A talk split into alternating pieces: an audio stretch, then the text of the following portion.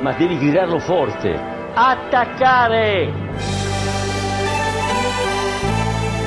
Che va il cross dentro, Quagliarella! Mamma mia! Mamma mia! Dal subito ha tornato a giocatori Pirlo, la conclusione in rete! Andrea Pirlo, un gol pazzesco! Von Karajan, la decide lui, la decide il numero 21 con un diagonale impressionante!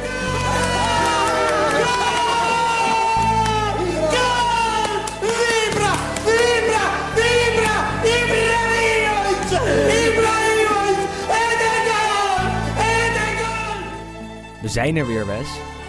Dinsdagmorgen, 2 voor half 10. Toch weer een eh, half uur later dan gepland. Omdat we met eh, Jaron Plonk van de, de FC Buitenland podcast aan het eh keuvelen waren, aan het vergaderen Ja. waren. Maar ja, nee, de, de dag is wel nuttig begonnen, zeg maar. Ehm, Geen tiramisu, geen prosecco dit keer. Dus dat, gewoon weer water en koffie. ja, goed. Niks mis mee.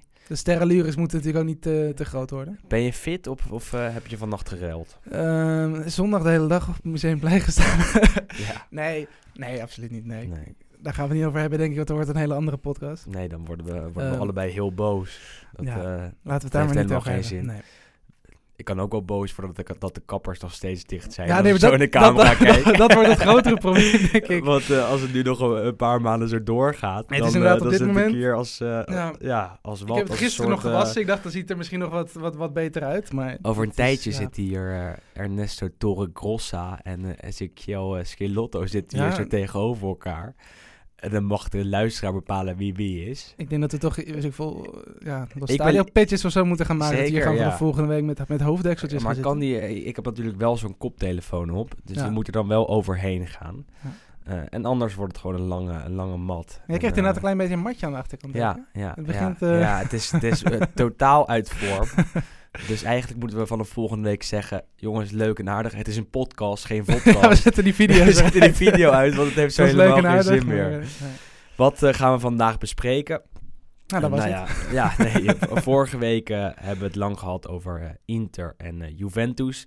Deze week laten we die twee teams een beetje links liggen. Juve heeft gewonnen, Inter gelijk gespeeld. Misschien is dat wel de reden. Ehm, we gaan er natuurlijk nog wel eventjes naar kijken. Er zijn twee andere teams, iets meer een subtop, waar het eh, ja, niet echt lekker loopt. Dat zijn eh, Roma en eh, Napoli. Dat is iets uitgebreider een thema in de komende ja, 60 minuten. Voor de rest staat er vanavond een Coppa Italia wedstrijd op het programma tussen Inter en Milan, de Derby della Madonnina. Daar praat Isaac van Achelen over. Sampdoria Juve aankomend weekend is het onderwerp van de column van Juriaan van Wessem. Ja, en voor de rest, eh, voor de rest nemen wij gewoon alle weggetjes, alle ja, tussenwegen, alle zijpaden. Alle achtergrondinformatie, transfernieuwtjes. alles Zeker. Ja, Papu Gomez met pijn in het hart. Gaan we afscheid van, het van hem nemen. Maar eerst eventjes over, ik denk over Roma. Want eh, nou ja, daar moeten we eigenlijk terug naar vorige week. Ehm, en eigenlijk al naar iets langer terug, want het draait niet zo super bij Roma, zou je zeggen, als je kijkt naar het sentiment. Maar ondertussen staan ze wel, op, wel gewoon op een prima plek in de Serie A, namelijk op eh stack 3. Eh, toch ging het vorige week mis in de Coppa Italia. Toen eh, ze thuis moesten aantreden tegen Spezia. Ja, het was 2-2 na, na 90 minuten. En één minuut in de extra tijd, in de verlenging, kregen ze twee rode kaarten in een tijdsbestek van 30 seconden. Twee losse situaties. Eentje voor eh, Mancini, de centrale verdediger. Eén voor de keeper, Paul Lopez. Vervolgens verloren ze met 2-4. Eh, ja, pijnlijk om thuis van Spezia te verliezen in de beker. Wat het nog pijnlijker maakte, is dat ze één keer te veel wisselden. Zes keer in plaats van eh, de toegestane vijf keer. Dus uiteindelijk werd die 2-4 omgezet in een 0-3, reglementair. En was het ja, bijna oorlog hè, in ja, huizen Roma. Ja, maar goed, maar dat is het pijnlijke, want dit is natuurlijk ook al de tweede keer dat ze dan een reglementaire nederlaag leiden. Ehm, en goed, ze verloren nu sowieso, dus aan dat resultaat, ja, daar verandert natuurlijk weinig aan.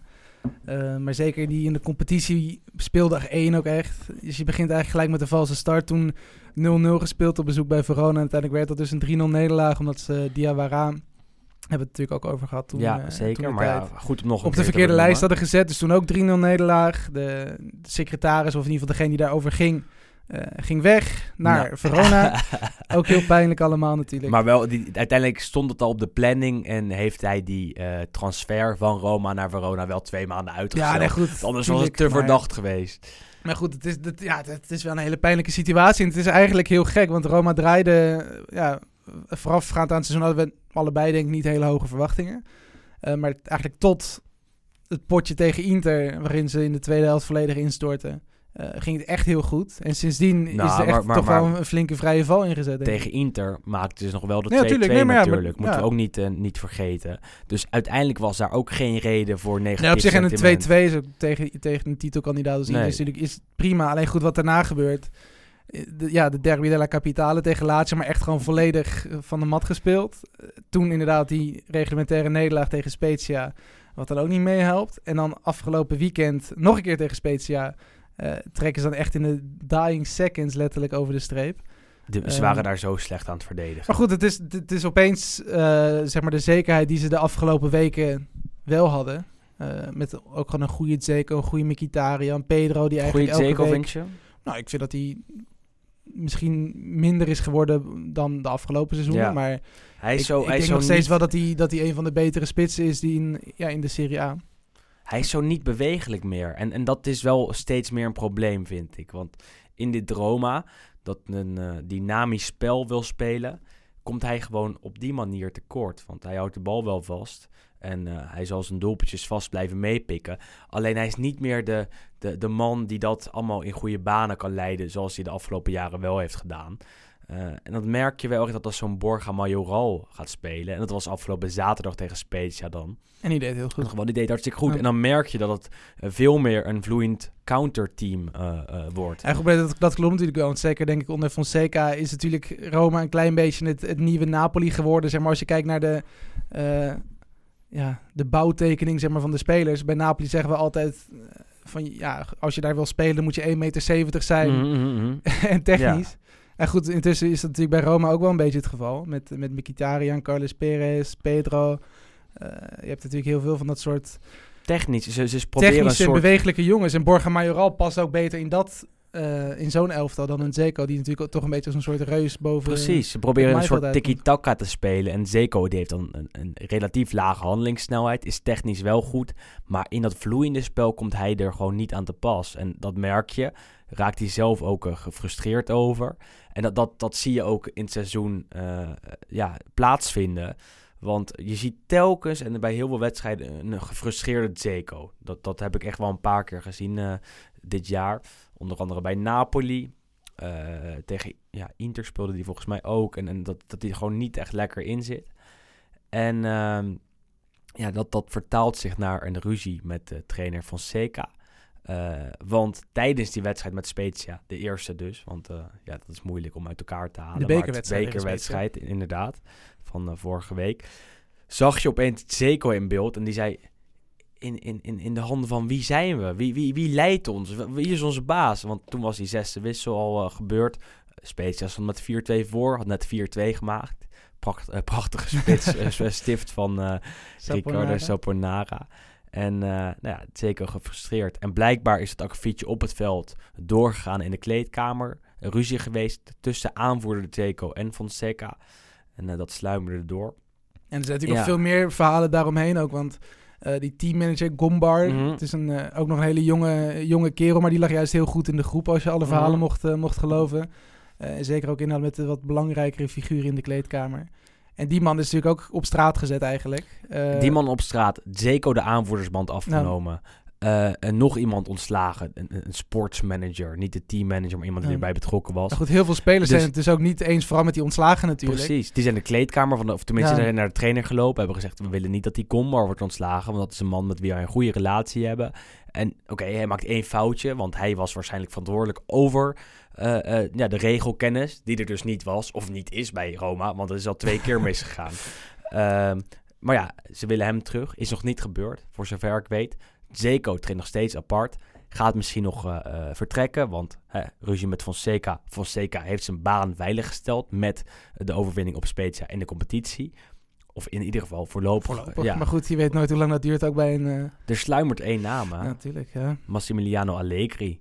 Die overal wordt gepasseerd. Hij wilde naar Chelsea. Chelsea kiest voor Tuchel. Hij wilde naar PSG. PSG gekozen voor Pochettino. Dat waren eigenlijk de, de, de, de twee teams waar hij op in heeft gezet. Samen Nou goed, met en Inter. Manchester United misschien ook wel.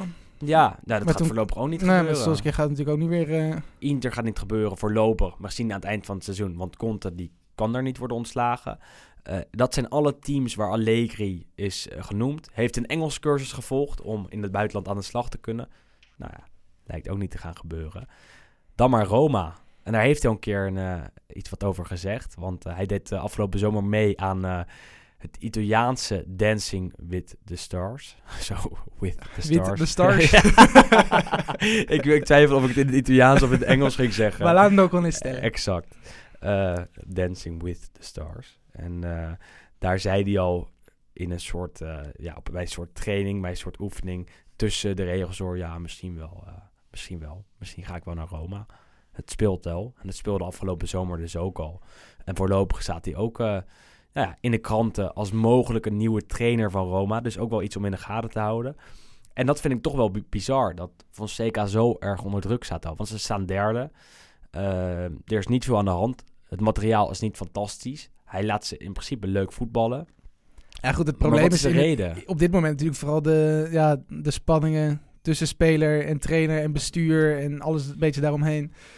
En het zou heel lullig zijn eigenlijk voor Fonseca als, als dat hem de kop, de, ja, de kop gaat kosten. Want inderdaad voetballend en sportief gezien, ik denk dat dit eigenlijk boven verwachting en misschien ook wel beter is dan überhaupt zou moeten kunnen met de selectie die. Maar die spanning is er bij Roma altijd. Ja. Als je teruggaat in de tijd en je kijkt naar de trainers die er de afgelopen tien jaar hebben gezeten, dan is er bijna geen enkele trainer weggegaan in vrede. Of, of dat hij hogerop is gegaan. Spalletti is met ruzie weggegaan vanwege Totti.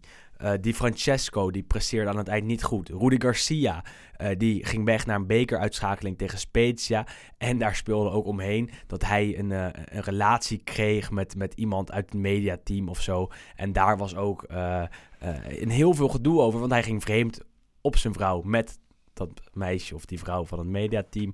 Nou, hij werd ja, flink aangepakt in de pers en dat sluimerde en sluimerde. Uiteindelijk werden de prestaties slechter, nou, werd hij afgeschreven. Dus je bij elke trainer heb je een soort van conflict eromheen zitten. Wat eh, niks eigenlijk met de sportieve nee. prestaties te maken heeft. En waardoor die, waardoor die wordt ontslagen. Rudy Garcia werd wel terecht ontslagen. Spalletti, eh, niet vergeten, die werd gewoon derde op het moment dat hij wegging bij Roma. Ging naar Inter en bij Inter heeft hij het uitstekend gedaan. En hij wordt nu ook weer genoemd als mogelijke opvolger van. eh, ja, goed, maar het is natuurlijk ook best wel lastig, zeker bij toch wel een, een ja, FC Hollywood. ja, zo kun je ze inderdaad wel noemen. Maar het is natuurlijk ook wel echt een, een, een traditieclub in de zin van... Daar spelen echt grote namen die daar al jaren spelen. Intussen natuurlijk niet meer, met nu Totti en De Rossi afscheid hebben gedaan. Maar het is ook best wel lastig om daar als... Ja, toch als trainer ben je toch een passant en een, en een buitenstaander eigenlijk 9 Ja. van de 10 keer. Maar om ook dat daarmee te dealen. En zeker op dan moeilijke momenten, om eventjes bij de Spalletti te blijven. Eh, ja, zulke soort grote namen, een Totti en De Rossi die toch richting de 40 gaan die kon het toch en die je toch meer. op een gegeven moment ook moet afschrijven, Mhm. is dat gigantisch lastig voor een trainer om te doen. Zeker als je misschien geen jongen van de club bent zoals die gasten zelf. Eh, want wat dat betreft had natuurlijk die Francesco nog enigszins krediet, omdat hij natuurlijk ook zelf als speler daar heeft gezeten.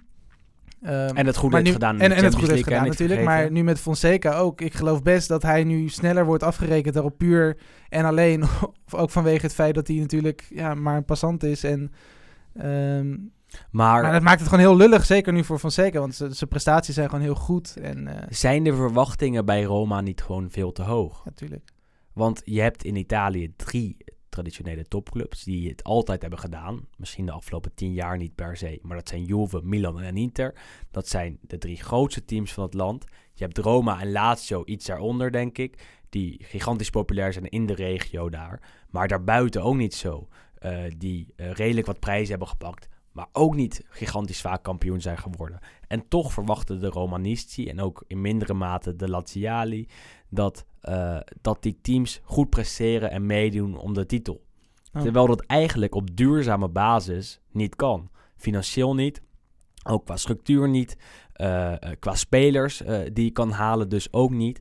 Dan zullen Milan, Inter en Juve altijd groter blijven. En zijn Roma en Lazio de, de nummer 4 en 5 in de Serie A, denk ik. Of vergeet ik dan een club? Ja, goed, Napoli heb je daar Napoli- natuurlijk ook tussen. Maar goed, Napoli Napoli is natuurlijk ook wel bij, historisch gezien ietsjes kleiner.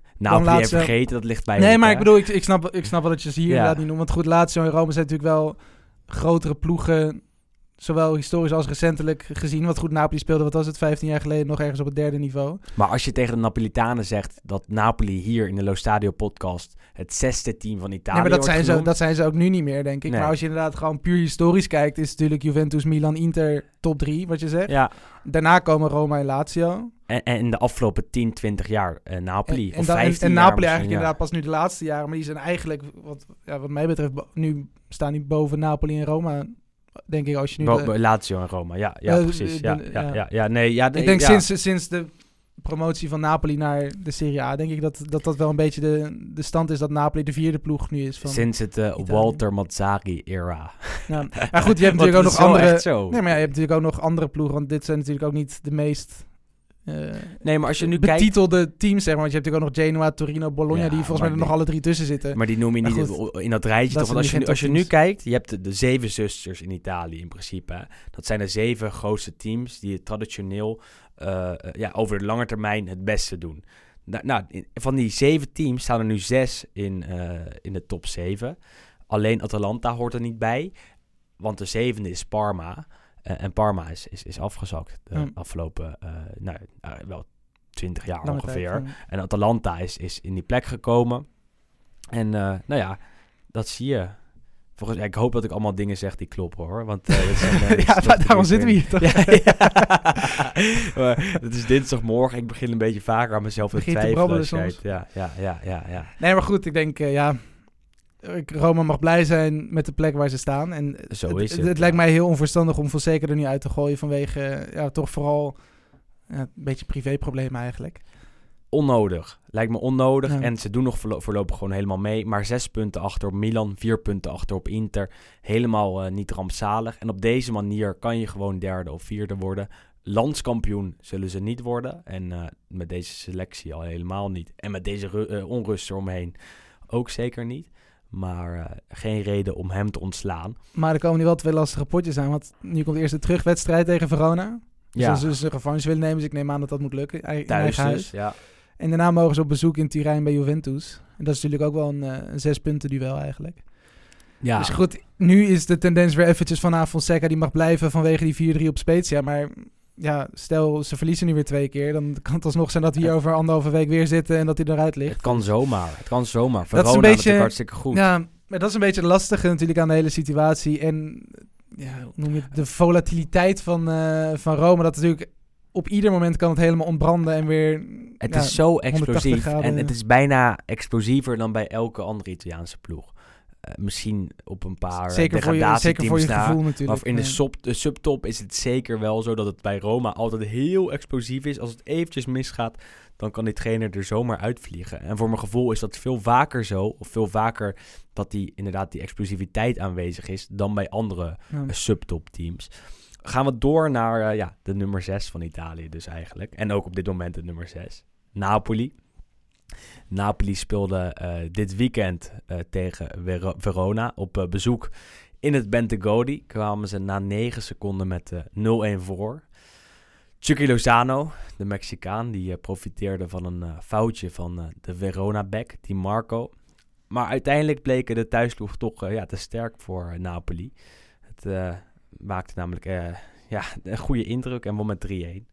Doelpunten van Di Marco, Barak en onze favoriet, Saccagni. Die al een paar keer, of tenminste één keer werd opgeroepen voor het nationale elftal van Italië. Een paar keer in verband werd gebracht met de ja, grote Italiaanse teams. En ook vast en zeker een transfer gaat maken. Eh, en hij leidde Verona dus naar een 3-1 zege op Napoli.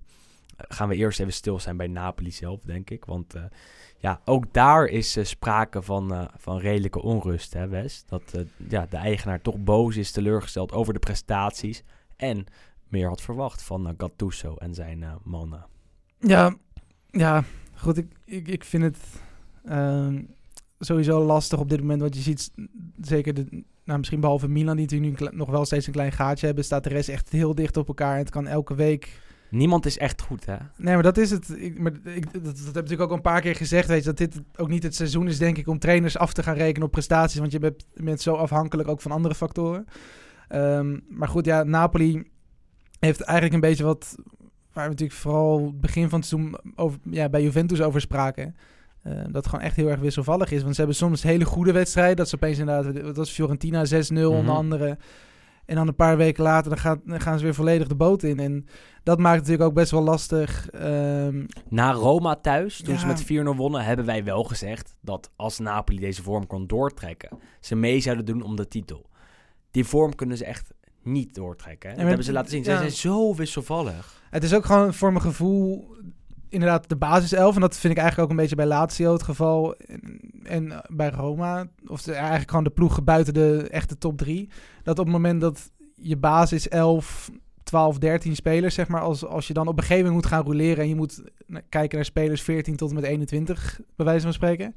Dat het dan zoveel minder wordt. Vind je dat bij Napoli ook? Ik vind dat bij Napoli ook, want als je ziet bijvoorbeeld de spelers die ze nu hebben gekocht afgelopen periode. Rachmani, nou, die heb je nog amper gezien en als hij speelt is het niet best. Je hebt een Lobotka waar ze natuurlijk een, tijdje terug 20 miljoen voor hebben betaald. Stel teleur. Stelt ook teleur. Demme speelt alles, maar ja, Vind ik prima. ik vind het op zich degelijk. Dus goed, die, die laten we eventjes eh eh, een staan. zesje.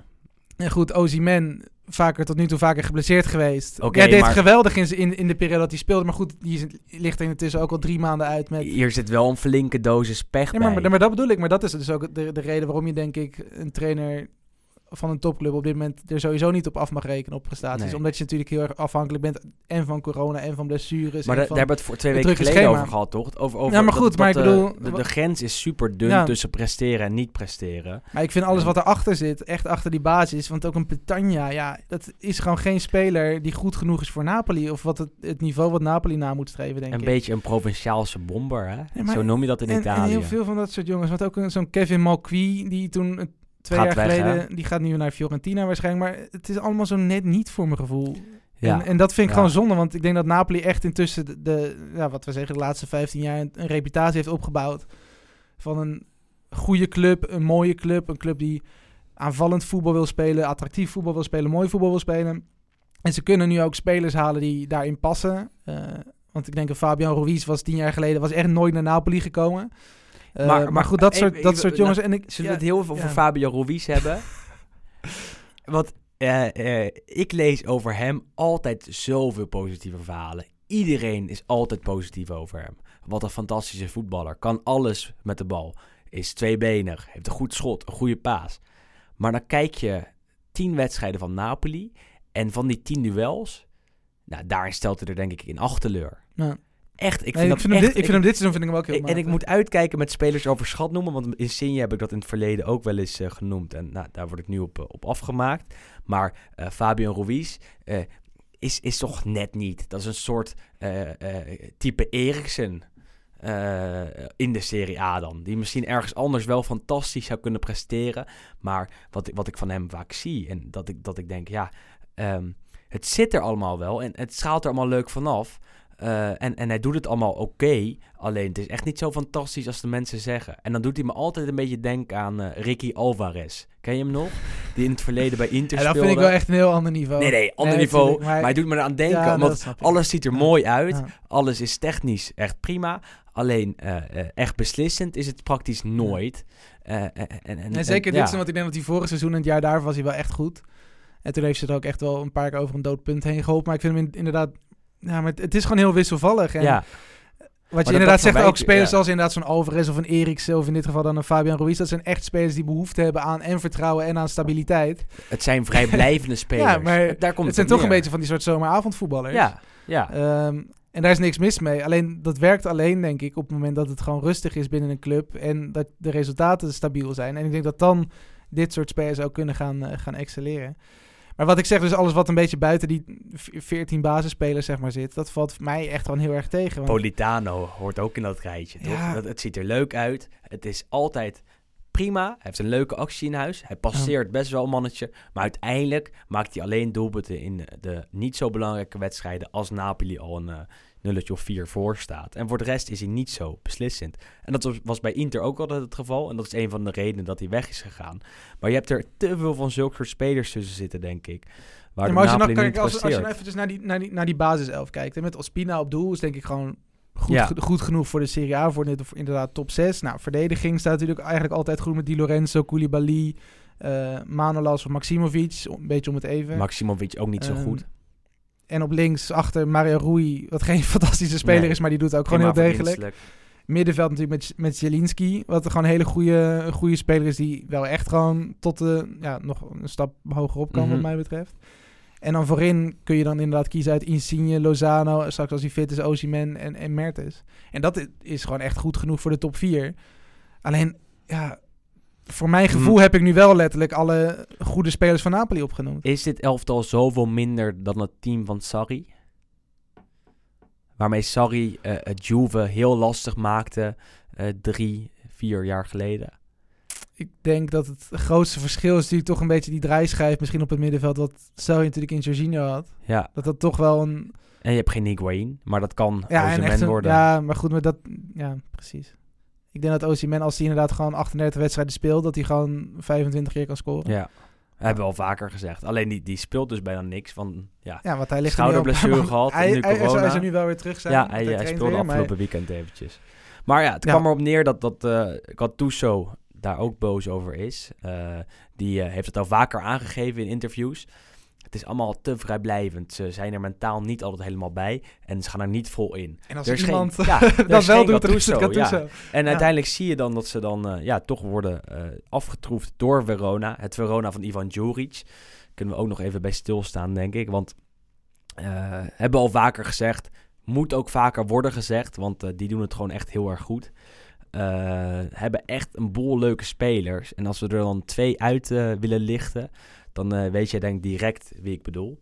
Want eh, ja, gok maar. Gok maar. Wie bedoel ik? Als Als ik... en Di Marco? Ja, toch? Nou, ja, absoluut. Heel, heel simpel. Ja, dat zijn echt twee Ja. spelers die, eh, die het echt uitstekend doen dit jaar. Die Marco maakte een foutje bij de 0-1 van Napoli. Herstelde die, die fout wel met een doelpunt zelf. Want is een opkomende back. Heeft een uitstekend linker voetje in huis. Heeft een goed schot. Mm. Eh, maakte een keer al namens Parma een fantastisch doelpunt in San Siro tegen Inter. Eh, is nog steeds van Inter trouwens. Weet niet of hij daar gaat blijven. Want eh, ja, wordt eigenlijk altijd verhuurd. En ja, Sakanji, dat is toch wel iets verrassender, denk ik. Nooit echt super erg opgevallen tot dit jaar. En, en het was eigenlijk voor het eerst dat zijn naam heel erg viel. En dat hij echt, echt ja, als een opvallende speler werd genoemd tijdens het duel met Milan in San Siro. Waar eh, Verona de koploper toen al op een eh, gelijk spel hield. Saccagni was toen hartstikke goed. En eh, werd direct s'avonds nog gebeld door Roberto Mancini. Die op dat moment zijn selectie voor een trainingsstage al bekend had gemaakt. En Saccagni mocht aansluiten. Sindsdien zijn wij op hem gaan letten. Is eigenlijk heel Italië naar hem gaan kijken. En sindsdien blijft hij maar presteren. Blijft hij maar scoren. En blijft hij mooie dingen doen. En dan was een doelpunt afgelopen weekend niet eens fantastisch. Was gewoon een kopbal voor een leeg doel. Maar zijn paas op Barak bij de 2-1 van Verona. Dat was echt dat is zo leuk. Dat vind ik een soort Dat is de mooiste. een, stift, een stift onder de Ja. assist. Nou, Het was echt een, een, een een buitenkant balletje. Een, een, een, ja, echt een, een, een heerlijk paasje. En eh, dat heeft hij al vaker gedaan dit jaar. Zulke soort assistjes. Ik kan me nog een hakballetje herinneren. Hij heeft natuurlijk een omhaal gemaakt eh, bij Spezia. Waardoor Verona daar nog met 0-1 won. Eh, en dan zie je dat echt ja, dat het een speler is met veel kwaliteit. Die ook in verband wordt gebracht met een aantal top, topclubs. waaronder Napoli. Waaronder Napoli. Ja. Maar waaronder ook Roma, Milan, Lazio. Eigenlijk bijna de hele Italiaanse top schijnt achter hem aan te zitten. Waar zie jij hem het, eh, ja, het beste tot zijn recht komen volgend seizoen? Ah, ik vind het wel een Napoli-speler. Wel hè? Ook Ja. gewoon, ja, al- als je, als je naar hem kijkt, zeg maar, en je zou er inderdaad een topclub bij moeten noemen, dan eh, voor mijn gevoel toch wel. Ja, ik Napoli. ook. Ja. Waar hij alles zou kunnen gaan spelen. Ehm, kan op meerdere posities ook eh, uit de voeten. Dus ja, daar kan Gattuso of een nieuwe trainer van Napoli wel wat mee. Ehm, maar ja, dat is toch wel, wel interessant, vind ik. Dat zo'n zo'n zo'n man eh, die al 25 is, hè. Het, eh, talent is dat in Ja, Italië. die wordt nog steeds een talent genoemd. Nou, En, en ja, hij kan natuurlijk ook nog wel tien jaar mee. Maar dat hij nu pas echt helemaal doorbreekt, vind ik toch wel vrij en bijzonder. voor, mijn- voor mijn gevoel gebeurt het in Italië vaker dan in andere Ja. competities. En zeker met Italiaanse spelers natuurlijk. Eh, want je hebt echt best wel veel uitstekende Serie A-spelers die eigenlijk tot 25, 26 eh, ja, in de Serie B of nog lager spelen. En dan op een gegeven moment opeens dan in de Serie A losbranden. Dat heb natuurlijk in het verleden met eh Di Natale. Ja, Goed, daar hebben we het al heel vaak over gehad. Die eigenlijk pas sowieso pas na zijn dertigste begon met doelpunten maken. Ciccio Caputo. Ciccio Caputo, die natuurlijk jarenlang ook bij Empoli nog Mhm. speelde en, en, eh, en, en nog lager. Ehm, en dat is toch opvallend dat... Dario Hübner. dat een hele fijne Dat speler. is nog het, nog het beste voorbeeld Absoluut. misschien. Helemaal mooi. Die rookt ook... eh, ik had een interview gelezen eh, eind vorig jaar geloof ik. Dat hij echt letterlijk voor elke wedstrijd en elke week ging daar gewoon flessen drank en pakken mooi. check Volgens en mij de, de oudste topscorer ooit van de Ja. Serie A. Eh, dus dus zo'n, z- zulke soort namen heb je toch wel vaak Ja. dat die doorbreken en dat hij dan ook gelijk in de nationale elftal komt. Maar goed, maar dat Ehm, is natuurlijk op zich aan de ene kant ook logisch. Want je ziet natuurlijk ook in Italië, in de Serie A, dat er steeds meer buitenlanders spelen. Dus als er inderdaad een Italiaan het goed doet, ja, dan zit je automatisch eigenlijk bij de Azzurri erbij. En dat Zo- is ook op zich je- wel een goede zaak hoor. Maar, ja, zo kan je moet toch worden opgeroepen. ja, ja, ja. Want ja, eh, doet het fantastisch. Maar er zijn meerdere spelers, denk ik, bij, bij, Ita- bij eh, Verona, sorry, die, eh, die naar Italië zouden moeten. Want ik denk, doelman Silvestri, Mhm. ik, ik, ik zie geen reden waarom je die niet mee zou nemen naar het EK. Nee. Nee. Eh, maar ja, nou ja, ik wel, want er zijn heel veel goede Italiaanse keepers. Ja, natuurlijk, maar goed, Donnarumma is eerste doelman. Golini, Golini en daarna wat mij... Sirigu. Ja, maar ja, dat, ja, die zou dan meegaan voor de sfeer en de ervaring en niet voor de nee, kwaliteit, denk ik. Want ik denk, Pinsolio, Pizzolio, zo, die moet, als Pizzolio meegaan naar het EK... de derde keeper van Juventus Ja. is dat. Die altijd eh, een, eh, grote sfeermaker is bij de Bianconeri. Favoriete speler. Moet je maar even opzoeken op, op Twitter of op YouTube, want eh Pinsolio is wel een mooie event. Hele grote. Ehm, maar ja, goed, er zijn maar wel- veel ja. goede Italiaanse keepers. ja, nee, nee dat, dat sowieso. Maar ik denk dat hij en Zaccagni en Di Marco... Ik zou niet weten waarom je die niet... Op basis van wat ze nu Mhm. laten zien tot nu toe. Ik denk dat die meer... Zie jij liever die Marco dan eh, Emerson? Ja, Ja, ja dit moeilijk, is waar. Alleen, alleen ja, ik weet niet hoe, hoe goed die Marco verdedigend is. Nee, maar goed, het, Emerson eh, kan dat ook niet. Dus. Nee, dat is waar. En die speelt ook amper. Dat is waar. Dus goed, ik zie dan liever die Marco. Die heeft sowieso ook... Dat is eigenlijk ook wel grappig dat hij nu pas een beetje doorbreekt in de Serie A. Want echt vijf jaar geleden was hij al aanvoerder geloof ik van Italië onder 17, onder 19, onder 21. En ik kan me herinneren dat hij op al die EK's en WK's voor de jeugd... dat hij vrije trap na vrije trap na vrije trap erin Zeker, schoot. Dus volgens ja. mij zelfs op een onder 21 toernooi... is hij topscorer geweest van het hele toernooi... Mhm. als linksback van Italië. Ja, Met drie directe vrije trappen en twee pingels geloof ik. Eh, maar we moeten wel uitkijken, want de Biragi heeft ook een fantastisch eh, linkerbeen. En maakt ook vrije trap na vrije trap, of tegenwoordig iets minder. Eh, maar ja, is voor de rest een hele matige back. Nou. Dus we moeten wel een ja, beetje we uitkijken dat we niet, Maar niet ophepelen vanwege zijn, eh, zijn trap. Maar inderdaad, Ja. tot nu toe doet hij het Ja. uitstekend. Zeker de afgelopen maand echt eh, heel goed in vorm. En, en zeker iemand om in de gaten te houden als je een keer naar eh, Verona aan het kijken bent. Eh, wat best wel eens kan gebeuren. Even kort langs de andere wedstrijden. Daarna de column van Isaac. Even naar de Coppa Italia kijken. En ja, de luisteraarsvragen natuurlijk ook nog. Vrijdag hadden we Benevento tegen Torino. Waar eh, Benevento met 2-0 voorkwam. Maar Torino toch nog eh, ja, een gelijk spel eruit wist te slepen. Eerste duel onder de nieuwe trainer. Davide Nicola. En eh, ja, Simone Zaza. die wist het net opeens weer te vinden. Want die maakte de twee doelpunten voor Torino. Man die daar ook uitblonk bij ja, de Granata was aanvoerder Andrea Bellotti. Soort Messi, Messi-eske Pasen heeft hij in, eh, in huis tegenwoordig. Nou, Heeft zich goed ontwikkeld. nee, hè? maar het is, het, is, het is gewoon een hele goede speler. En voordat we weer duizend vragen krijgen de komende weken van... moet hij niet een keer een stap gaan maken? Ja, Hij op moet een naar gegeven- Milan. Op een gegeven moment moet hij wel een keer een stap gaan maken. Hij maar- moet de opvolger van Ibrahimovic worden bij Milan. Vind ik echt. Nou, hij is op dit moment een beetje zo op weg om Mr. Torino te worden. Van, eh, Ja, de maar titel dat is, een beetje dat is over te echt pakken van, zonde, eh, want, want als je kijkt naar dat team, is Mazzola. het echt zo'n slecht team. En dan, dan zie je ze weer stuntelen en dan is er één iemand die het goed doet en dat is Bellotti. ja, Eh. het klopt gewoon helemaal. Het klopt, het klopt niet. Het is net als, inderdaad alsof je, alsof je een Messi bij Kozakken Boys neerzet. Ja, ja. En dat je dan zegt van, oh, wat een slecht niveau, maar die ene jongen kan wel goed voetballen. Zo Ja, is dus het. Zo voelt het een beetje. Die jongen die moet daar gewoon weg voor zichzelf en voor alles en iedereen. En hij heeft in principe alles om ook te slagen bij Milan. En eh, nou, dat moeten, moeten we maar gaan zien. Roma won met 4-3 van Spezia, hebben we al behandeld. Milan, 0-3 Atalanta. Daar gaan we het nog wel eventjes over hebben, denk ik. Echt een hele lekkere wedstrijd ook. Ja, ik had hem op mijn eh, tweede scherm aan. Want uh, ja, verbazingwekkend genoeg had de Serie A besloten om Milan en Inter allebei tegelijkertijd Dat gaat nog niet helemaal lekker zaterdag. met die planningen van, uh, van, maar van de maar serie. ik, ik snap daar gewoon niet zoveel van. Want als je dan op zaterdag gaat kijken, dan ga je toch voor een topteam zitten. Ook als Nederlander. Stel je kijkt niet elke week naar de Serie A.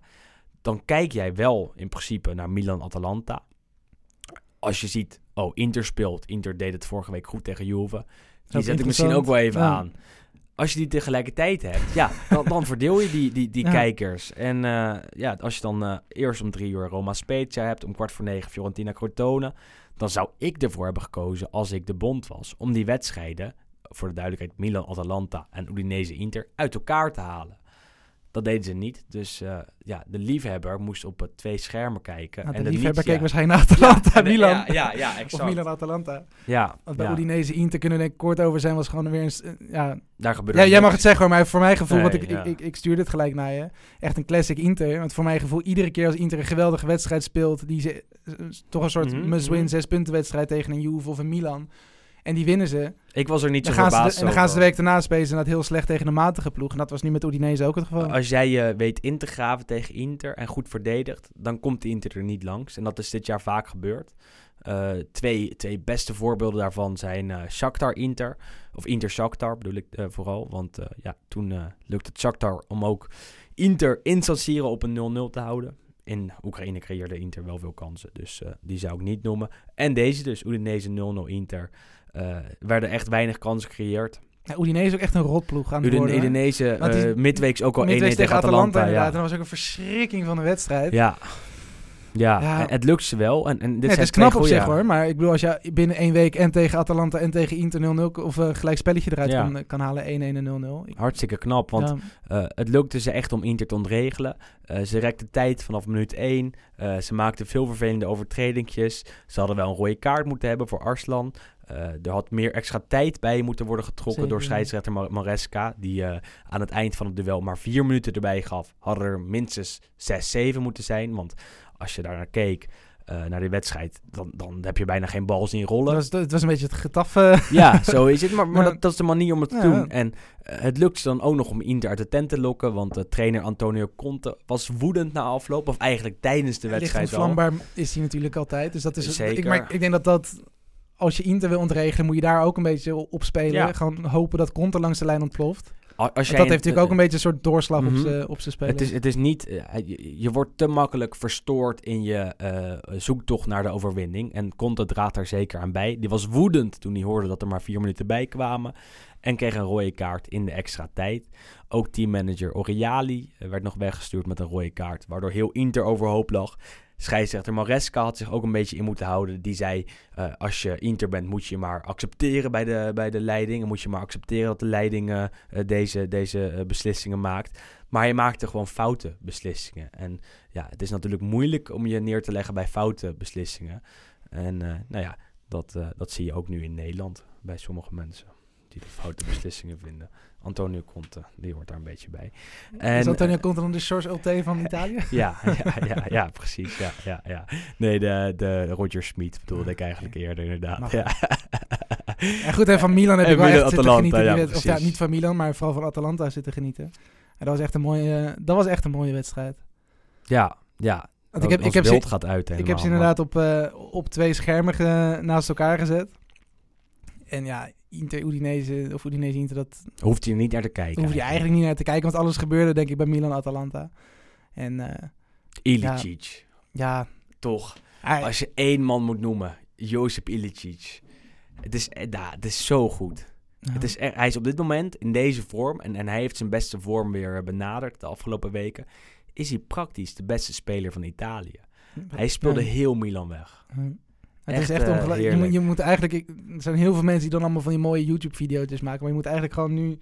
Eerste seizoenshelft, Atalanta, Ilicic zet gewoon even alles achter elkaar. Letterlijk elke, Maar hij, elk balcontact en gewoon alles hij is er nog niet zo lang bij. Ja. Hij, hij presteerde pas vanaf de 4-1 tegen Roma. Hij kwam er toen in in de rust. Stond eh, volgens mij 0-1 voor Roma toen. Atalanta walste er overheen toen Ilicic erin kwam. Sindsdien is gaan draaien. Bij Benevento was hij volgens mij bij drie van de vier doelpunten betrokken. Eh, nou, afgelopen eh, zaterdag tegen Milan kapte die, draaide die, gaf hij balletjes. maakte, die, eh, maakte die echt de tegenstander helemaal gek. En hij stond natuurlijk ook tegenover Theo Hernandez, die aanvallend fantastisch is. Aanvallend misschien wel de beste linksback van Italië. Maar verdedigend het vaak moeilijk heeft. Zet je er Ilicic tegenover, dan speelt die Theo Hernandez helemaal weg. En dat gebeurde. Ehm, en dat zag je ook, want Atalanta was beter. Verdiende de overwinning. Het moet wel worden gezegd dat het enigszins geflatteerd was misschien. Milan creëerde ook wel wat kansen. Ja. Had zeker één, twee keer kunnen, kunnen scoren. Als je naar de expected goals eh, Was van die wedstrijd eh, kijkt, 2,2, 2,8 of zo volgens mij. Kan? Mm, nee. Nee? Voor, voor mij, ge- volgens mij had stond Milan ergens rond de 1 en, en inderdaad Oh, ja, Atalanta ergens rond 2,5. Ligt ook aan, de aan de modellen natuurlijk. Volgens mij heb ik er een met, ik weet Ja, eigenlijk maar zeker, Zou- zou 2,2, kunnen, hoor, 2,8. Het was in ieder geval een hele leuke... ja. Dat was wel denk ik echt reclame ook voor het Italiaanse voetbal natuurlijk. Atalanta zegt wel veel langer dat je eigenlijk zoveel mogelijk wedstrijden daarvoor moet kijken. Ehm, maar dit was echt een hele, een hele mooie. En eigenlijk toch weer ja, voor Milan toch wel weer een test die ze Ja. verliezen. Dus, na na ja. Juventus thuis, nu Atalanta thuis. zijn toch twee wedstrijden die als je kampioen wil worden, in ieder geval daar je mannetje moet staan. En minimaal eigenlijk een gelijkspel. En het liefst natuurlijk een overwinning moet boeken. Het was niet goed genoeg. Mandzukic maakte zijn debuut. eh, die scoorde nog bijna. Eh, maar uiteindelijk bleef het 0-3 voor Atalanta. Eh, later op de avond Fiorentina 2-1 tegen Crotone. Mooi doelpunt van eh, Bonaventura. Prachtige volley. Uiteindelijk kwam, eh, ja, het scoorde Vlaovic de 2-0 nog. 2-1. Crotone natuurlijk door een Kwankwo Simi. Maar het bleef 2-1. En eh, Fiorentina won. Teleurstellend voor Crotone dat ze daar niet iets weten weg te slepen. Zondag Juve 2-0 tegen Bologna. Prima toch?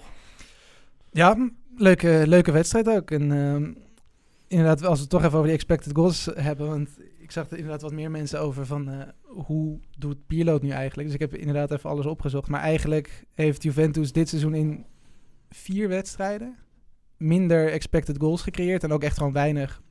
En dat was het verlies tegen Inter, het verlies tegen Barcelona, het verlies tegen Fiorentina en het gelijkspel tegen Roma. En in alle andere wedstrijden hadden ze echt gewoon ruim 1 tot 3 meer dan de, dan de tegenstander. Dus wat dat betreft is dat wel een positief iets, denk ik, wat we, wat we over Juventus onder Pirlo kunnen zeggen. Dat er gewoon echt elke wedstrijd wordt er veel gecreëerd. Ehm, en dat was nu eigenlijk ook tegen, tegen Sam was het, eh, was het geval. Alleen het probleem is dan wel dat ze ook heel veel kansen tegenkrijgen. Ja. Eh, en daar moet natuurlijk nog wel aan gewerkt worden. maar- Bologna werd ineens vergeleken met Of eh, Atalanta. Bologna zeg ik inderdaad. Ja. Bologna werd vergeleken met Atalanta aan de tweede helft. Nee, maar ja, dat, eh, dat is natuurlijk eigenlijk het enige wat je, wat je ze kwalijk kan nemen. Ehm, maar goed, dat heeft natuurlijk ook nu mee te maken. De licht komt nu weer terug, dus ik neem aan dat vanaf nu of Chiellini of Bonucci eruit valt... en dat het licht gewoon weer de rest van het seizoen volmaakt. Want ik kan me niet voorstellen dat hij eh, ja, op de bank gaat zitten. En Juve had midweeks de Supercoppa gewonnen. Ook nog, Moeten we ja. ook niet vergeten. De PlayStation 5 Supercup. Hey, tegen Napoli, dat, dat, dat was ook een hele goede wedstrijd. En ik denk ook dat Napoli daar te weinig, tenminste niet te weinig heeft gekregen. Want ik denk uiteindelijk dat Juventus hem verdiend won. maar dat Zeker, ja. Napoli echt het veel moeilijker had kunnen maken als het gewoon een paar kansen afmaakte. Eh, waaronder de penalty Eh, van Insigne. Ja. En eh, de eerste prijs van Pirlo. Eh, Ik zag ja. gelijk alweer tweetjes voorbij komen van Pirlo pakt in zes maanden meer prijzen dan Inter in de laatste tien seizoenen. Ja, ja. en ja. het is waar. En, en, en, Het is ja, waar, maar ja, maar goed, ja, zegt ja, dat, niks, hè, eh, of dat nou aan Pirlo te Nee, danken is, ja, dat, dat denk ik niet. Juve won van Bologna. McKenny, eh, moeten we nog even uitlichten. Uitstekende aankoop, kopte hem eh, er goed in. Vierde zijn doelpunt als eh, Harry Potter. Ja, dat is echt een geweldige. Want daar had ik op zich niet heel veel van verwacht. Kwam natuurlijk ook echt als, als donderslag bij heldere hemel van de zomer. Toen hij opeens werd gezegd eh, van Romeo Agres. Die stuurde toen een tweetje de wereld in van... eh, Juventus is a sorpresa. Mhm. Dus heel verrassend rond met Weston McKennie van Schalke. En ik dacht, nou, altijd handig om er iets bij te hebben. Maar ik had niet verwacht dat hij inderdaad zo'n grote impact zou hebben. Want die...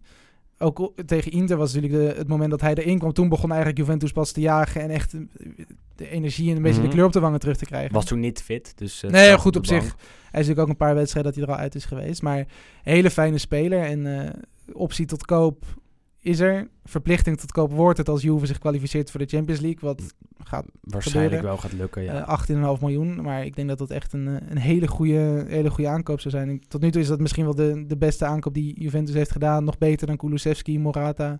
Ook wat betreft de eerste seizoenshelft, zeker. Ja. Eh, nou, over de tweede seizoen presteert. kan ik nog niet zoveel zeggen. Nee, maar ik bedoel meer van eh, in potentie is Nee, tuurlijk, Kulusevski natuurlijk wereldtop en McKennie misschien iets minder. Eh, zondag ook Genoa Cagliari, de Rosso Blu tegen de Rosso Blu. Waar Genoa de afgelopen weken goed draaide. Cagliari eigenlijk alleen maar aan het verliezen is. Want eh, ze verloren ook van eh, Genoa 1-0. Doelpunt Mattia Destro. De, ja, de hebben we al vaker behandeld. Maar de Helemaal spits die helemaal is opgeleefd onder de trainer, Davide Ballardini. Die eh, ja, het goed voor elkaar heeft. De vraag kreeg hoe hij het zo voor elkaar krijgt om eh Genoa te laten renderen. En het antwoord op die vraag was: Jongens, ik weet het ook niet. Dus ja, Ja, is de beste trainers, denk ik. eh.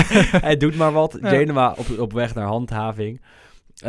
Verona-Napoli 3-1 hebben we al behandeld. Lazio won met 2-1 van Sassuolo. Knap. Eh, Immobile maakte daar de winnende. Sassuolo kwam nog wel met 0-1 voor. Maar ja, dan zie je toch dat Lazio iets sterker is. Sassuolo iets bezig aan een kleine vrije val. En eh, Lazio goed in vorm. Die gaan zich ook mengen in de strijd om eh, de top 4. En eh, dat is fijn om te zien. Trainer Inzaghi gaat waarschijnlijk zijn contract daar verlengen. En nou ja, Nou, over contractverlenging gesproken. Iets heel on-Italiaans natuurlijk bij Cagliari aan de hand. Ja, oh, dat, daar ben Ja, daar ging hij heel snel langs sorry, namelijk. Ja, ja, ja, ja, ja. dat, ja, misschien wel de slechtste trainer op dit moment als je kijkt naar de recente resultaten. ja, Eh, die krijgt dan gewoon lekker een jaartje erbij op zijn contract. die Francesco. Francesco. Di Francesco bij Cagliari. Ja, En dat is natuurlijk wel opvallend. Ze Zeker staan- ook omdat eigenaar Cellino van... Of eh, niet Cellino, dat is die van, eh, van Brescia. ja, die was, eigenaar was de eigen... Ja, Giulini en Giulini Celli- van- Cellino was van Cagliari vroeger ook. Giulini van Cagliari toch ook wel een beetje een, een, een, een, een eigenaar die graag trainers wisselt. Eh, dan nu opeens uit het niets eigenlijk dan heel veel vertrouwen heeft in die Francesco op basis van, Mhm. ik mag hopen, iets wat er achter de schermen is gebeurd. Op basis van die halve finale plek met eh, Roma in de Champions League van eh, drie jaar geleden. Ja, nee, maar je, je kan eigenlijk... Ja, voor de rest eh, heb je helemaal niks, Ik- toch? Je ziet geen enkele reden om het contract van deze. Kijk, je hoeft hem niet te ontslaan misschien, maar om nou het contract te verlengen op dit moment is natuurlijk wel echt heel, Niet Italiaans en eigenlijk belachelijk, want ja, heel vreemd. Cagliari draait niet, staat inmiddels op een eh 18e plek. Ja, degradatieplek. Dus eh, ze zijn zelfs ingehaald door Torino. Torino dat het hele seizoen al heel erg slecht is. Eh, maar Cagliari is dus nog slechter. En daar, is, daar heeft de komst van uh, Ratja Nainggolan helemaal niets aan veranderd. Want sinds zijn komst hebben ze alleen maar verloren. Die reeks was al daarvoor ingezet. Maar goed, ja, hij heeft het dus niet kunnen veranderen. Lazio won van Sassuolo 2-1. En toen hadden we ook nog op de zondag Parma tegen Sampdoria 0-2. Een knappe overwinning eh, van Samp. Eh hoeven niet te lang bij stil te staan. Parma ook in degradatieproblemen. Sampdoria doet het hartstikke goed met Claudio Ranieri. Daar werden we ook naar gevraagd. Gaan we het eh, nog een keer langer over hebben. Want Ranieri, toch een van de echte gentlemen van het Italiaanse voetbal. En die toch overal presteert. En het overal toch wel uitstekend doet. Maar vandaag hebben we de tijd er niet meer voor. Ehm, tenminste, ja, ik moet, ik moet zo weg. Dus, vandaar. Vooral Willem heeft er tijd voor. Ik wil nog wel Als- even mee door Als blijven lullen. wel maar- over wil praten, dan kan dat. Eh, maar we gaan lekker naar de column van Isaac van Achelen. Die eh, natuurlijk nog steeds in eh, Italië zit. En hij kijkt samen met ons naar ja, de derby della Madonnina van vanavond. Inter Milan in de Coppa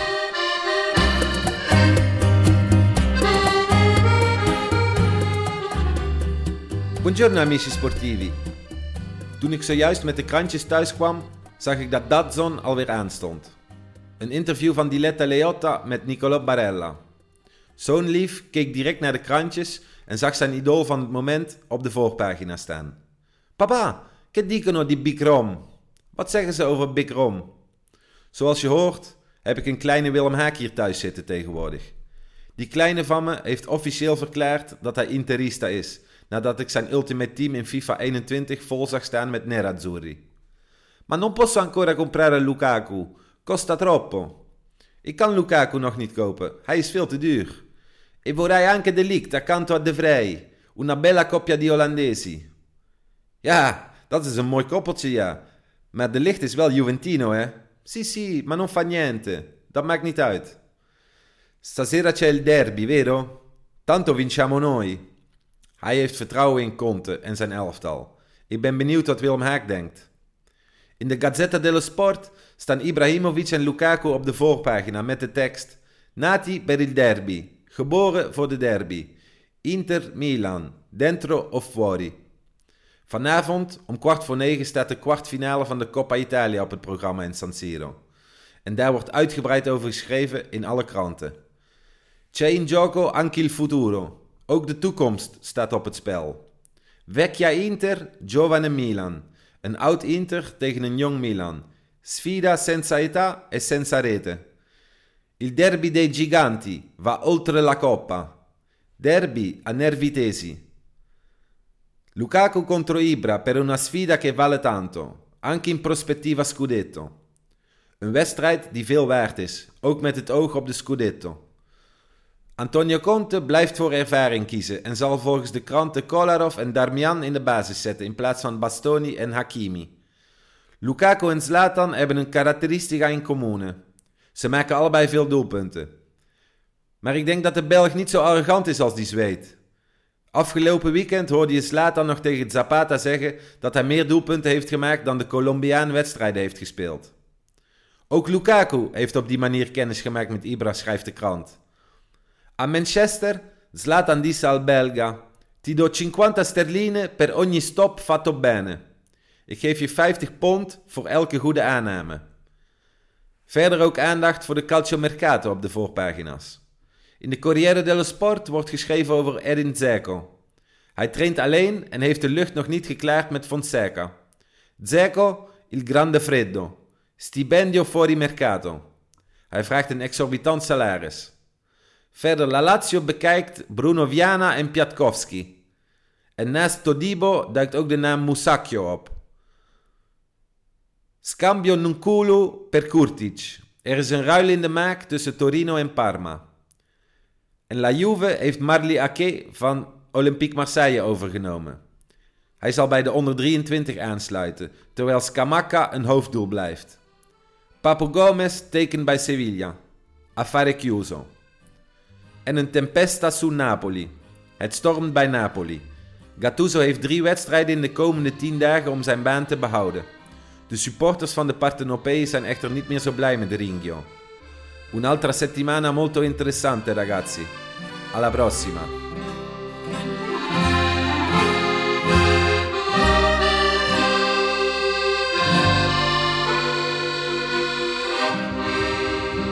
Want deze week wordt er eh, gespeeld in de Coppa Italia. De Italiaanse beker. Ook wel het ondergesneeuwde kindje van het Italiaanse voetbal. Want daar is eigenlijk bijna nooit aandacht voor. Eh, ja, de afgelopen, volgens mij twee weken geleden werd erin gespeeld. En dat waren de eh, achtste finales. Heel veel verlengingen gezien. Heel veel verlengingen Dus wel gezien. Waar voor je geld als je ervoor ging zitten? En vorige week natuurlijk ook. We hadden het net over Roma en Lazio. Speelden een week later.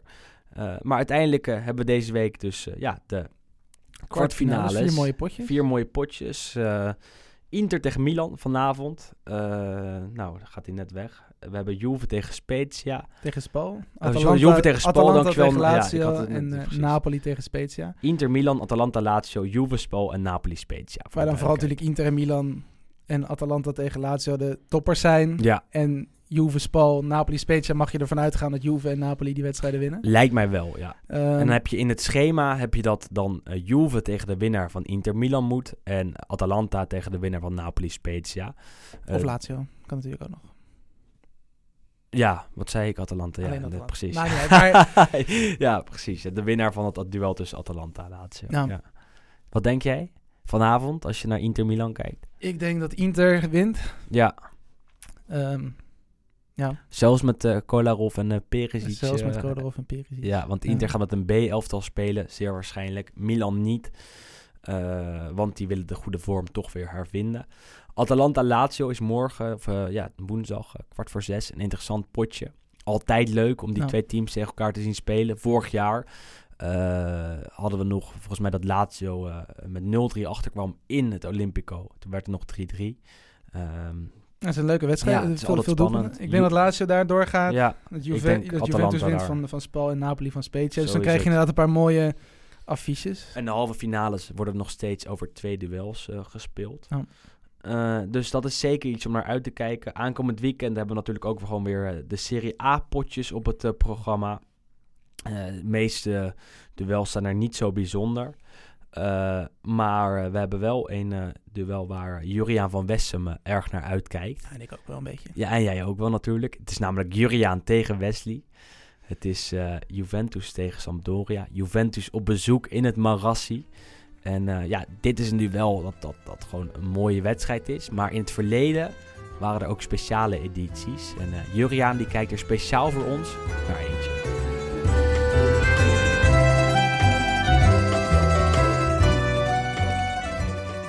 Komende zaterdag is het Sampdoria-Juventus. En dat is wel een wedstrijd met een bijzonder verleden. Op 12 september 1982 kwamen journalisten uit de hele wereld naar Genua om dit duel bij te wonen. Het was een speciale gebeurtenis, want het was de eerste speeldag in de Serie A na het onverwacht door Italië gewonnen WK van 1982. En Juventus was de hofleverancier van die gouden ploeg. Eigenlijk had de oude dame de beschikking over een wereldelftal. Met de kerstverse Campioni del Mondo. Als Zoff, Gentile, Chirea, Cabrini en Rossi. Maar ook nog eens met Roberto Bettega, die vanwege een blessure dat WK in Spanje had gemist. En bij Juventus debuteerden ook nog eens de andere WK-helden. Michel Platini en Zbigniew Boniek. Marco Tardelli was geblesseerd, maar dat mocht de pret niet drukken. Logisch dat de hele wereldpers het debuut van deze ploeg in de competitie wilde meemaken. Daarbij speelde Juventus voor het eerst met twee sterren op het shirt. Want vlak voor de Mondial had Juve zijn 20ste Scudetto gepakt. En dan de tegenstander. Zoals toen de traditie was, speelde de kampioen op de eerste speeldag tegen een net gepromoveerde club. En dit keer was dat Sampdoria. Die club was na vijf jaar weer terug op het hoogste niveau. In 1977 gedegradeerd na een dramatische wedstrijd tegen Juventus, dat die middag ook kampioen werd met een record aantal punten. Vreugde en verdriet waren zo dicht bij elkaar gekomen op die regenachtige eh, middag van 22 mei, dat daar jaren later nog over werd gesproken. De club uit Genua keerde echter terug met een nieuw elan. Want het had sinds twee jaar een nieuwe voorzitter, Paolo Mantovani, die vanwege een hartoperatie en een geschil met de Italiaanse justitie niet in het stadion kon zijn. Hij zat in zijn buitenhuis in Antibes, waar hij een maand eerder in het diepste geheim Paolo Rossi onderdak had geboden, want de wereldster had na zijn hoofdrol op de Mondial ook zin in vakantie en wilde met zijn zwangere vriendin zich verstoppen voor de boulevardpers, die natuurlijk naar hem op zoek zou gaan. Mantovani bood de held van de Italianen onderdak, de volksheld Rossi aan de rand van hun zwembad. De kinderen van Mantovani zouden er jaren later nog smakelijk over vertellen. Bij Sampdoria speelde Liam Brady, die als buitenlander overbodig was geworden bij Juventus na de komst van Platini en Boniek, nadat de Ier zelf met een allesbeslissende strafschop voor de 20e Scudetto van Ju Juventus had gezorgd. Maar Sampdoria had in deze zomer ook Trevor Francis gekocht. Hij was voor Maradona's transfer naar Barcelona de duurste voetballer ter wereld. En dan was er nog een tiener die voor het schandalige bedrag van 6 miljard lieren was gekocht. Met die transfersom troefde Mantovani alle topclubs af, maar er werden vanwege deze transfer in het Italiaanse parlement vragen gesteld over deze vorm van kinderhandel, want de talentvolle speler was nog niet eens 18. Roberto Mancini beloofde bij zijn presentatie eeuwige trouw aan de club uit Genua. Toen hij op een balkon in het centrum van de stad werd voorgesteld aan de fans, was er sprake van een verkeersinfarct in de hele havenstad, alsof Kinneke Jezus was gearriveerd. Kortom, die zomerse middag in Genua was eigenlijk een eye-opener voor veel buitenlandse media, die kennis maakten met de toen nog redelijk onbekende wereld van de Serie A. Volle tribunes, veel vlagvertoon en getoeter en vooral ook veel gevulde balkons om het stadion. En zoals het hoort in een sprookje won Sampdoria deze wedstrijd van Juventus met 1-0.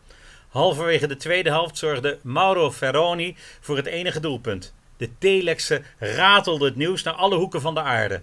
De wereldkampioenen keerden terug met beide benen op de grond na een zomer in de zevende en vooral azuurblauwe hemel. En inderdaad, er was onder begeleiding van klaroengeschal een heel mooi meisje geboren.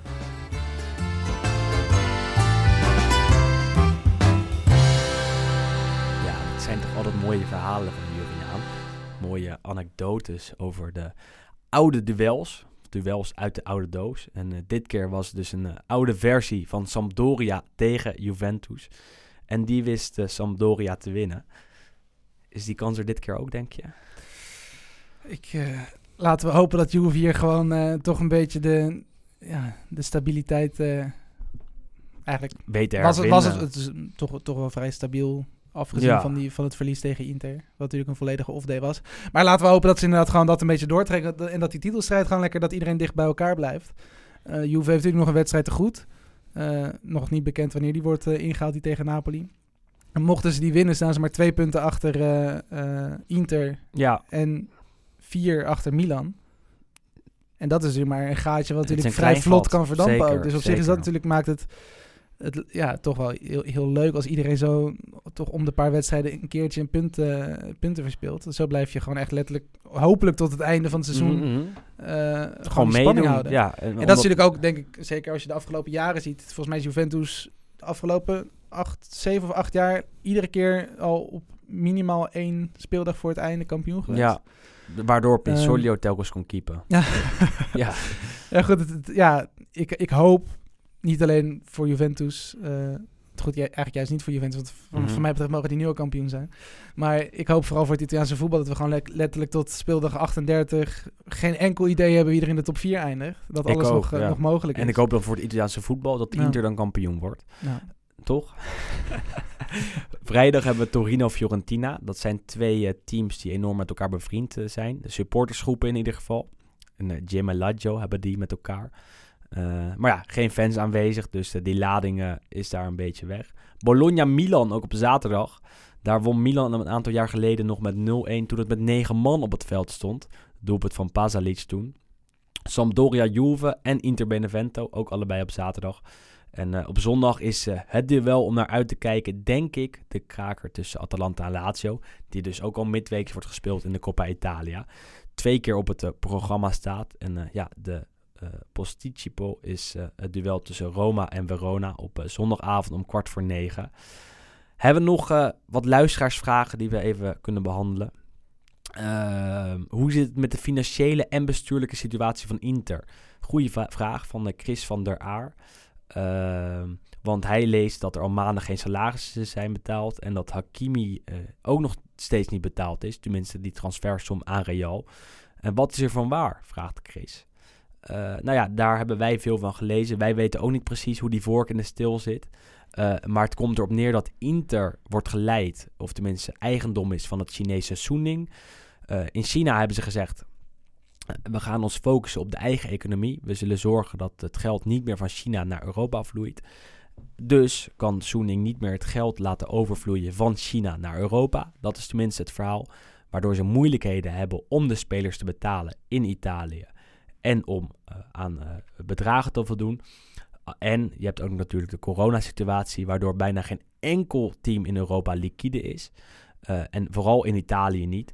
Waardoor Inter en Real Madrid samen tot een akkoord zijn gekomen. Waardoor ze uh, in Milaan minder geld op dit moment hoeven over te maken naar Kimi. Op dit moment. Tenminste, ze hebben het uitgesteld, de Ja. betalingen. Ja, maar dat, dat is ook logisch. Volgens mij wat was het afgelopen weekend kwam ook opeens die balans van Barcelona voorbij. Ja, Dat hij nog 48 miljoen naar Ajax en nog 9 miljoen naar Juventus voor Pjanic. En elke club heeft op dit moment natuurlijk een beetje... Ja, dat soort problemen. vergelijkbare probleem dat er gewoon inderdaad bedragen moeten worden uitgesteld. En ik denk, goed, als alle clubs dat hebben, dan gaat er ook niemand daar moeilijk over doen, denk ik. Zo is Eh, het. maar dus goed, dus het- eh, het- kwam- maakt de hele situatie, vooral in combinatie met natuurlijk als je een eigenaar hebt die het geld terug wil trekken, dat maakt natuurlijk een beetje penibel misschien. Dus Inter wordt mogelijk Maar- verkocht. En eh, Real en Inter hebben een akkoord dat, ze, dat Hakimi later wordt betaald. Dus daar is helemaal niks, eh, niks aan de hand. Wat wel zo is, is dat Inter gaat worden verkocht. Dat er een nieuwe eigenaarsgroep komt. Daarover zijn de onderhandelingen in volle gang. En daar is natuurlijk wel wat aan de hand. Want Inter heeft ook de spelers nog niet betaald. En dit moeten ze wel hebben betaald voor 16 of 18 februari. Doen ze dat niet, dan krijgen ze mogelijk punten in mindering. Inter is alleen niet de enige club waar dit is eh, gebeurd of waar dit aan het gebeuren is. Dus eh, even afwachten. Ze zijn nog in onderhandeling met de Serie A of die betalingen kunnen worden uitgesteld. eh, voor de tweede keer. Want ook de salarissen van augustus en september zijn nog niet uitgekeerd aan de spelers. Dus er speelt zeker wat. Er zijn zeker financiële problemen. Er is zeker een reden voor dat Inter bijvoorbeeld niet nu een vierde spits gaat halen of een extra middenvelder. Want er is gewoon geen geld. Iets om in de gaten te houden. Eh, Wes, Ja, wat is voor jou het mooiste Italiaanse voetbalwoord? het voetbalwoord. eh, Vraagt Matthijs Klerks, trouwe luisteraar. En Palermo-fan, hè? Dan moet je... nou, dat kan gebeuren. Ja, dat kan gebeuren. Hij heeft Nelly Spogliatoi. Nelly Spogliatoi Moeilijk, moeilijk uit te spreken. in de kleedkamers. Ja. En dat, dat, is, dat is mooi, inderdaad. Ehm, ik vind sowieso Cucchiaio, Ja, het stiftje van, van Totti. Wordt ja, letterlijk lepel, Cucchiaio. Ja. Dus eh, je lepelt een, eh, een balletje op zijn panenka's erin. Eh, dat vind ik echt een, mooie, een mooi woord. Ehm, ja, dat is toch misschien wel mijn favoriet, denk ik.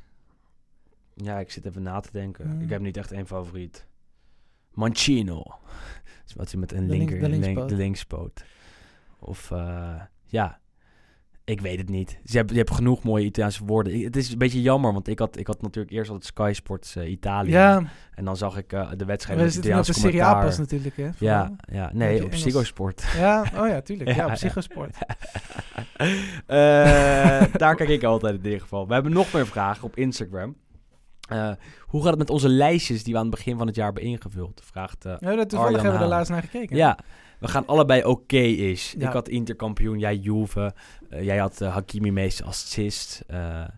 Ik Lukaku had, topscorer Lukaku had ik. topscorer hadden we allebei. Dus het gaat best oké, Nou. maar niet, niet fantastisch. Ehm, is eh, Sergej, Sergej, jij zei het anders. Ik zeg Ik altijd Sergej. Milinkovic Savic een god. Een god? Ja. Eh, nee, voor zover ik weet Nee, niet. dat denk ik ook niet. En nog een leuke vraag van mijn goede vriend Vincent Coppola, die jij nog kent van ons tripje naar Dortmund. Eh, welke eredivisie-speler zouden jullie nog wel bij een Italiaanse topploeg willen of kunnen zien? Waarschijnlijk iemand van Heracles of Groningen of Heerenveen. Ja, bij topclub, hè? Atalanta. Dus als je gelijk richting de Italiaanse Zegt moet, topclub? Nee, ja, bij een topploeg. ja, ja, ja, ja, Atalanta is Ja, oké, maar eh, even denken. Ehm, moeilijk. Nou, dit soort vragen moet je even van tevoren eh, stellen. Ja, dit- ik, had, Eh, ik wilde gisteren al eventjes eh, een app sturen, toen ben ik het vergeten. Ehm, ik zit even na te denken. Die vraag beantwoorden we volgende week, denk ik. Ja, het is nu moeilijk Ja. om nu, eh ja, ik, nu ik, ik, bedoel, zo'n koopmijner zie ik nog wel gewoon ook ergens... Naar Lazio. Of, of bij Rome. Inderdaad, een beetje de, de, stro de Strootman-rol Ja, van vroeger. zeker, een beetje ja. de, de wasmachine. Ja, of eh, wie heb je nog meer? Nee, van Ajax naar, naar Italië zou ik denk ik niemand zien gaan. Ehm, en van, eh, van PSV. Ja, Malen wordt altijd in, in verband gebracht met Milan. Maar ik denk dat die onhaalbaar is. Eh, ehm, ja, Gravenberg bij Juventus. Ik denk dat die Ja, dat transfer, transfer in, eh, in de sterren staat geschreven. Ja. Wordt natuurlijk ook begeleid door Mino Raiola. En ik denk dat Gravenberg zeker Ja. iemand is die in Italië perfect zou renderen. Wordt in Italië ook vaak genoemd als de nieuwe Pogba. En dan zou een transfer naar eh, Juve toch wel eh, enorme... Ja, In de lijn der mogelijkheden. Ja, in de, ja, heel mooi gesproken is dat. Wes. Ehm, En wat vind je was- trouwens ook nog even... ja, ik moet echt weg. Ja, jij moet zo weg. Maar Ja. het, het nieuwe logo van Inter, wat het waarschijnlijk wordt. Ja, daar, dat, dat vind ik echt allemaal gedoe om niets. Eh, ik word er verandert toch ook bijna niks? Er verandert niks. Inter blijft Inter. Het is niet dat internationale Inter Milano wordt. Dat was allemaal onzin. Wat de Het is ook wel pijnlijk dat de Gazzetta en nog een paar grote kranten... wel Het bleek allemaal niet waar te Ja. zijn. Dus is het allemaal eh, eh, gedoe om niets. Het is een commerciële stunt van Inter. Om dat waarschijnlijk verkeerd uit te hebben laten gelekt. Het, het logo verandert niet. Het wordt niet een conceptlogo zoals Nee, bij Juve. Dus eh, ja, ik denk, het, het zal me allemaal echt een worst wezen. Als, als de, club, eh, de club blijft, als de clubkleuren blauw en zwart blijven. Als we het liefst in San Siro misschien wel in een nieuw stadion blijven spelen. Als de cultuur, de fans hetzelfde blijven, dan verandert ja, er ik hoor het al. Jij bent snel tevreden. Ik ben snel tevreden. en als er dan af en toe ook nog een prijsje wordt gepakt, dan is er helemaal niets aan de hand. De eh, dienstmededelingen van Ja. vandaag. Sono's hoeven wij niet meer te promoten. Noemen we nog wel even elke week. Want eh, ik moet toch even mijn excuses aanbieden aan de luisteraar. Voor die blatant lies, fake news.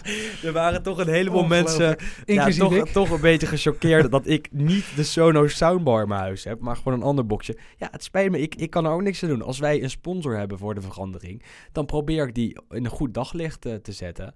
En eh, nou ja, ja, dus ik dacht, wat is dan een goede manier? Nou, Door tijdens, het, scho- door tijdens het schoonmaken even die soundbar eh, te En promoten. voor de toekomstige sponsoren, als jullie ons ook zeg maar, het product opsturen.